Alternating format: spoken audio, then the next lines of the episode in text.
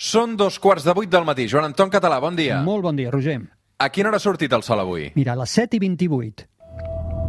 3, 2, 1, seganya!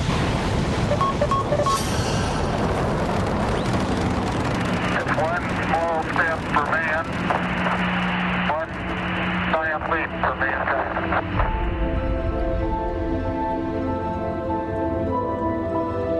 Joan Anton Català, bon dia, bona hora. Bon dia, Roger, bon dia.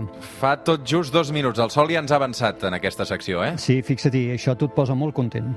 Això vol dir que els dies cada vegada, cada vegada són més llargs. I les nits més curtes, menys temps per mirar el cel, Joan Anton. Sí, eh, també t'haig de dir que ens agrada, als astrònoms, de totes formes, també ens agrada, eh, el solet. Vull dir, no pensis que, que som com els vampirs.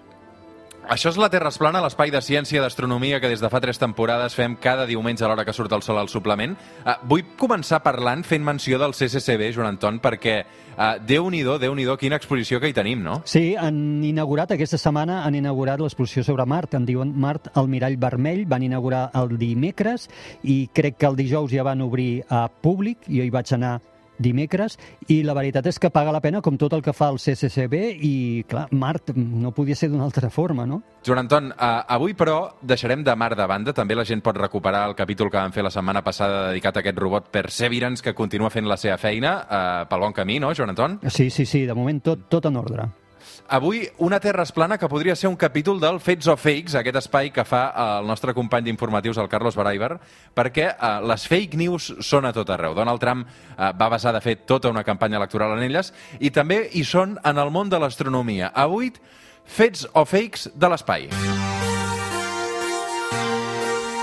I en començarem per una que fem bandera sempre en aquest programa. La Terra és plana. Què diuen aquells que la defensen encara a l'any 2021? Perquè dius, mira, escolta'm, uns quants segles enrere dir que la Terra és plana, doncs encara ho podem entendre, no? Sí. Però l'any 2021 defensar o, o entendre les tesis terraplanistes té mèrit. Té mèrit, uh, o no.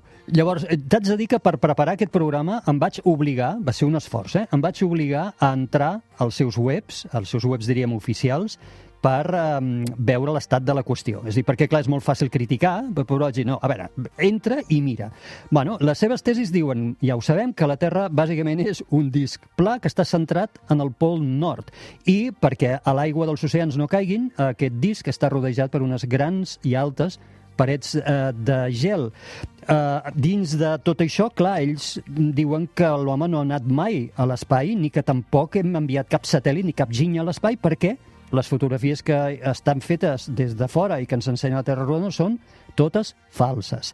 Eh, N'hi ha que fins i tot neguen que existeixi res com igual a la gravetat. Eh? Recordo una frase d'una noia fa molt poc que corregut es va fer viral que deia no existe tal cosa como la gravedad. Las cosas caen por su propio peso y punto. Imagina't, eh? Uh, totes les imatges, com et deia, del planeta que veiem des de fora són falses, perquè no, no pot ser rodona. Per cert, la Terra és el centre del cosmos, és a dir, tornem a l'edat mitjana, la, el, la Terra som el centre del cosmos i el Sol, planetes, giren al voltant nostre. I ara, atenció, perquè accepten que tant Sol com Lluna com planeta són esfèrics, són rodons. Per tant, som espacials, ocupem el centre de l'univers i a més som plans, els únics que som plans. Per suposat, les estrelles naveguen, es mouen per sobre del Sol i els planetes i les descriuen com, textualment, elements lluminosos. És dir, Vaja. Sí, sí, sí, vull dir, no són sols, tot això que, que expliquem aquí, que són sols, que tenen la fusió nuclear i que s'assemblen al nostre, bueno, que de fet són igual. No, no, no, tot això no. Són uns elements lluminosos, diríem unes llumetes, m'imagino, que, que pol·luren pel cel. Escolta'm, eh, clar, eh, aleshores et venen al cap un munt de preguntes per aquesta gent, no? Per exemple, com justifiquen els eclipsis o les estacions de l'any? Bueno, llavors, clar, eh, s'inventen una sèrie de mecanismes més o menys complexos, que em recorda molt el que, el que ens inventàvem tots, a la humanitat, per entendre'ns, quan encara pensàvem que la Terra era el centre de l'univers, i llavors per explicar el que veiem a fora ens inventàvem uns moviments molt rars. Doncs ells ho fan, però no se n'acaben de sortir del tot bé, en algunes coses molt malament. Per exemple, els eclipsis de lluna, segons ells, segons aquesta teoria, no n'hi podria haver, perquè eh, perquè hi hagi un eclipsi de lluna hi ha d'haver una alineació entre eh, la, el Sol, la Terra i la Lluna que se situa al darrere de la Terra. Clar, segons el tema de la, de la teoria de la Terra és plan, això és impossible. Per tant, ells pensen que hi ha un cos, un objecte fosc que no veiem, que circula també pel cel i que de tant en tant tapa el disc de la Lluna. Eh? I aquest objecte misteriós no el podem veure, segons ells, per dues raons. Una, perquè és fosc, i després perquè sempre va molt a prop del Sol. Increïble. I els límits? Clar, perquè si és un disc té un límit, no? Sí, el que dèiem abans, ells eh, diuen que hi ha d'haver unes parets de gel immenses, que són els, les que marquen aquest eh, límit. Eh, alguna, en alguna ocasió, en el seu congrés, no sé si és anual el seu congrés, jo vaig escoltar alguns fragments de, recordo d'un que es va fer, crec, recordar a Dallas, eh, deien que volien fer, volien finançar una expedició al, als confins de la Terra per, per confirmar i per demostrar-nos-ho. I jo vaig dir, ostres, tant de bo la facin, però mira, mai, mai la fan. Sempre ho anuncien, però mai la fan. I recordem tots una anècdota de fa ja mesos que una van haver de rescatar del Mediterrani una parella italiana que s'havia embarcat per anar a buscar, i s'havien perdut al mar, per anar a buscar aquests confins del món.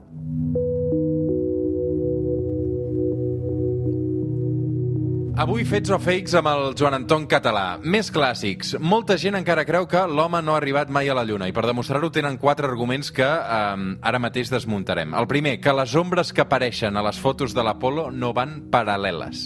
Evidentment, no van, i és que no hi poden anar. Qualsevol fotografia de gran camp que tingui perspectiva, la podem fer aquí a la Terra en un carrer i ho veurem, les línies no van paral·leles, sinó que s'ajunten per un efecte de perspectiva. Per tant, anem bé.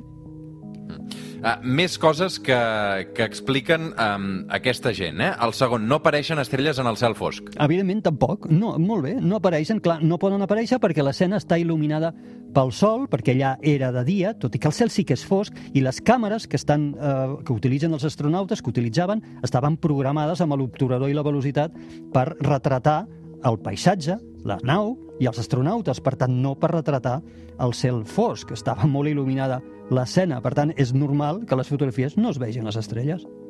Tercer, la bandera americana que planten els astronautes es mou, eh, i aquest és un clàssic de les teories de la conspiració. Tornen a tenir raó. És que tornen a tenir raó. No es mou, però és perfectament natural, perquè són els astronautes el que eh, l'han posada i l'han fet moure, i a més a més, el, el bastonet, diríem, de la, de la bandera de l'Apolo 11 era, tenia dues parts i tenia una part mòbil. Ells, quan la planten, fan força per clavar-la a la terra i un cop l'han deixada i ells ja no estan tocant, un del el braç on se situa la bandera té un petit moviment perquè és un moviment mecànic del, del mateix moviment que ells havien fet per plantar-la. I ja està, i això és el que s'ha mogut en aquell moment i, i la bandera ha quedat igual, igual com ells l'han deixat. I encara una altra, i és que en una de les fotos hi veiem una lletra C marcada en una roca, no? Ja, que és boníssim, boníssim, boníssim. Hi ha la tira de fotografies que t'ensenyen una roca i després augmenten aquesta roca on hi ha gravat una C, que això és una prova evidentíssima de que tot això s'ha gravat en un estudi i que es van deixant allà una roca gravada, eh, diríem, en matrícula. Val? Eh, no hi ha cap C. Evidentment és un efecte de, del revelat d'aquella fotografia i del que nosaltres hi hem volgut veure, o alguns hi han volgut veure, i en el negatiu, en l'original de la fotografia, no apareix absolutament res que s'assembli a una C. El millor argument en contra d'aquestes teories, però, eh, Joan Anton, és que moltes naus d'arreu del món han explorat la Lluna, no? Clar, eh, a la Lluna hi hem anat, no amb tripulacions humanes, que això només ho han fet, ho han fet els americans, però amb robots, amb satèl·lits, etc. i hem anat, eh, òbviament, els americans, europeus, russos, xinesos, indis, japonesos.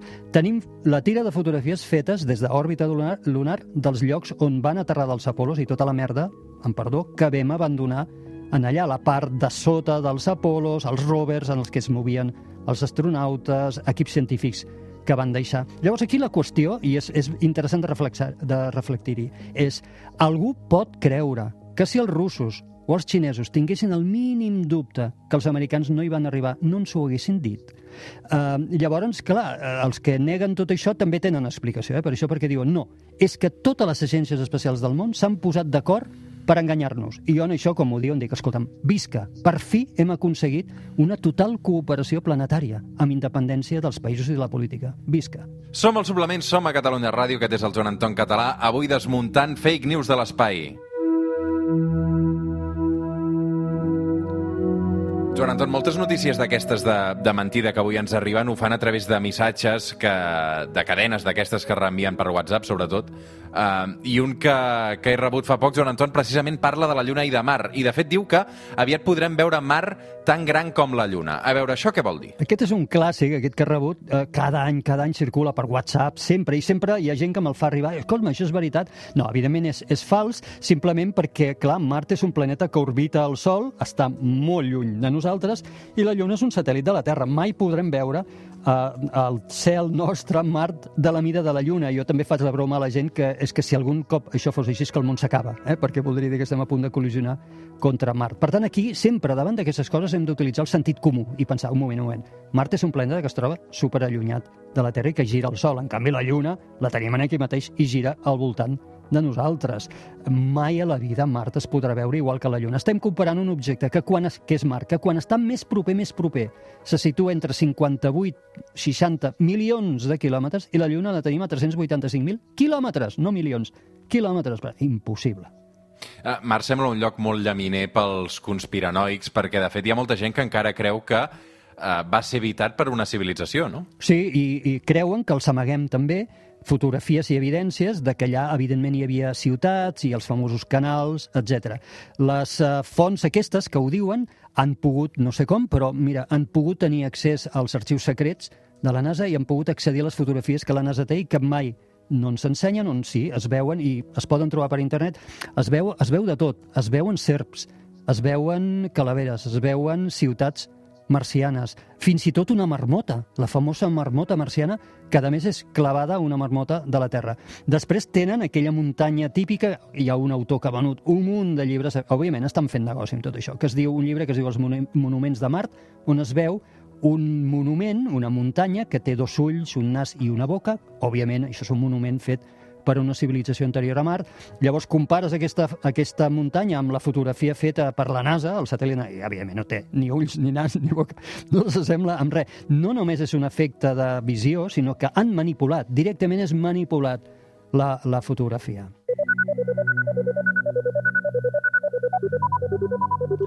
Un altre clàssic, Joan Anton, perquè és que aquesta també, eh, cada mes pràcticament veig algun digital que la publica. Un asteroide impactarà contra la Terra. Sí. Uh, és un titular molt llaminer, però que bàsicament i no és ben bé mentida del tot, no? Segurament. Clar, clar, constantment estan impactant petits asteroides. Aquí la qüestió és que posen data al, a la fi de la Terra. Fa poc vaig veure un titular que és la NASA pone fecha al fin de la Tierra. Increïble. Què fan aquests, uh, aquest tipus de titulars i de, i de mala informació?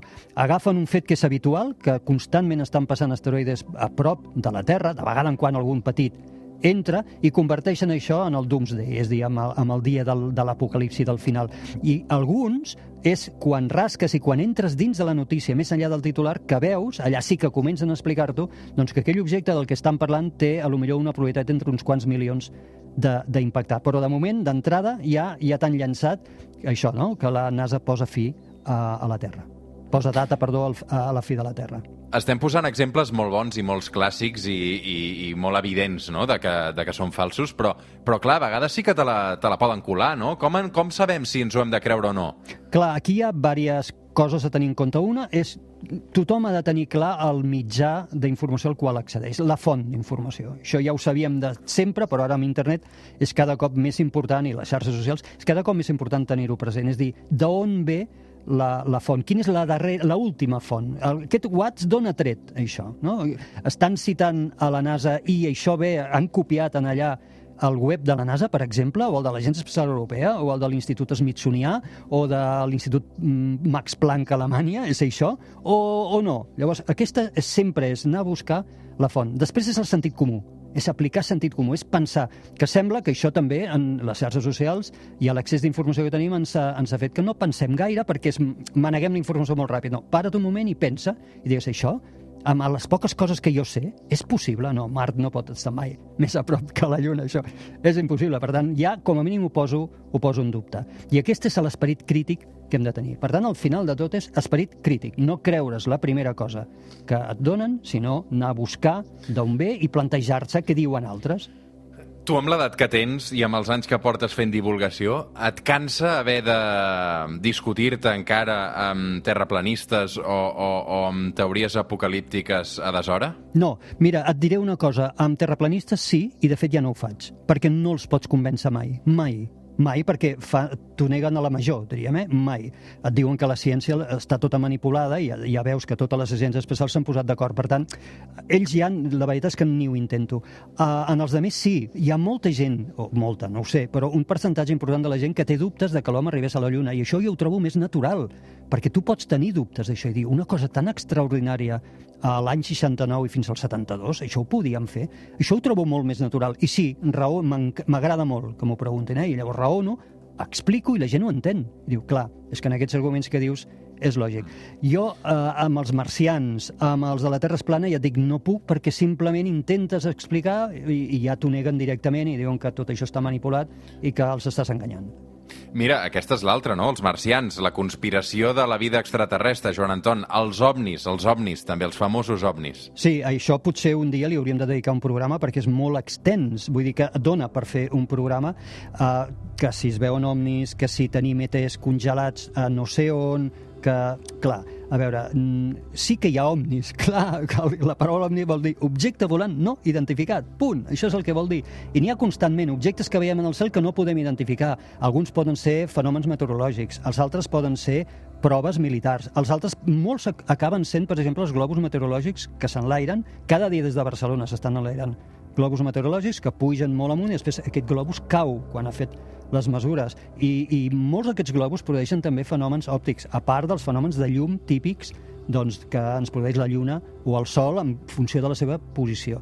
Uh, D'aquí a dir que, hi ha, que els estem enganyant, que hi ha evidències de que, de que realment aquests somnis estiguin tripulats i tal, eh, és que no. I a més, torno a aplicar un raonament que deia abans. Avui en dia els equips científics no són de dos o tres científics, són centenars o milers multidisciplinars i multiculturals provinents de moltes nacionalitats.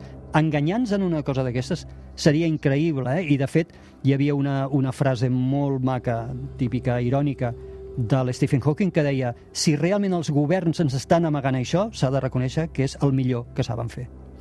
Tu des d'on et documentes, Joan Anton? Perquè, clar, eh, una cosa és fer un mitjans de comunicació i l'altra anar directament a la font científica directa, no? Sí, O, o, o als autors, no? En tinc moltíssimes. De fet, eh, els meus navegadors, el meu navegador via internet, eh, té eh, les, els, els favorits, diríem, i tinc totes les meves fonts i sempre són fonts d'aquestes fiables, en tinc moltíssimes, és no només les llicències espacial i els instituts, després hi ha que això, aquesta font que et vaig a dir ja no seria, diríem, perquè un ciutadà normal la mirés perquè pot ser molt avorrit i, i, i complicat, que són els papers científics, és dir, a les publicacions, a les revistes científiques on hi ha un tribunal que decideix si allò es publica o no. Hi ha un peer review, que es diu. El peer review és, eh, són sotmeses a, un, a una persona que revisa, que és anònima, que és científica, que no està implicada en l'estudi, que ho revisa i fa comentaris de home, penso que el que diuen no és prou provat com perquè es publiqui. Eh, Jo vaig a fonts que són d'aquest estil,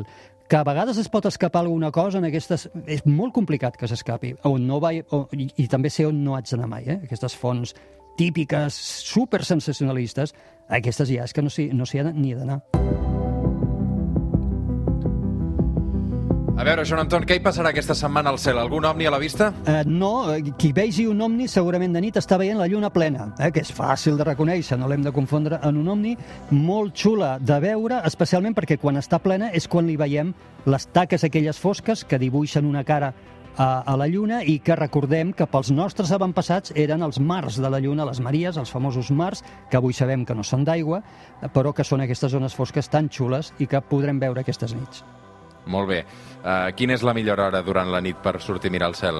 Doncs com que això que deia, lluna plena, si el que volem mirar, la lluna plena va completament diagonalment oposada al Sol. Per tant, en el moment en què el Sol s'amaga per l'horitzó oest, està sortint la lluna plena per l'est i domina tota la nit. Per tant, des de començaments de la nit fins matinada, la lluna domina tot el cel i a mitjanit la tenim justament a sobre. Si algú vol veure la lluna, per tant, una sortida de lluna xula com la que tindrem quan el sol comenci a amagar-se per l'horitzó oest, és el moment de fer la fotografia perquè la lluna estarà sortint per a l'est.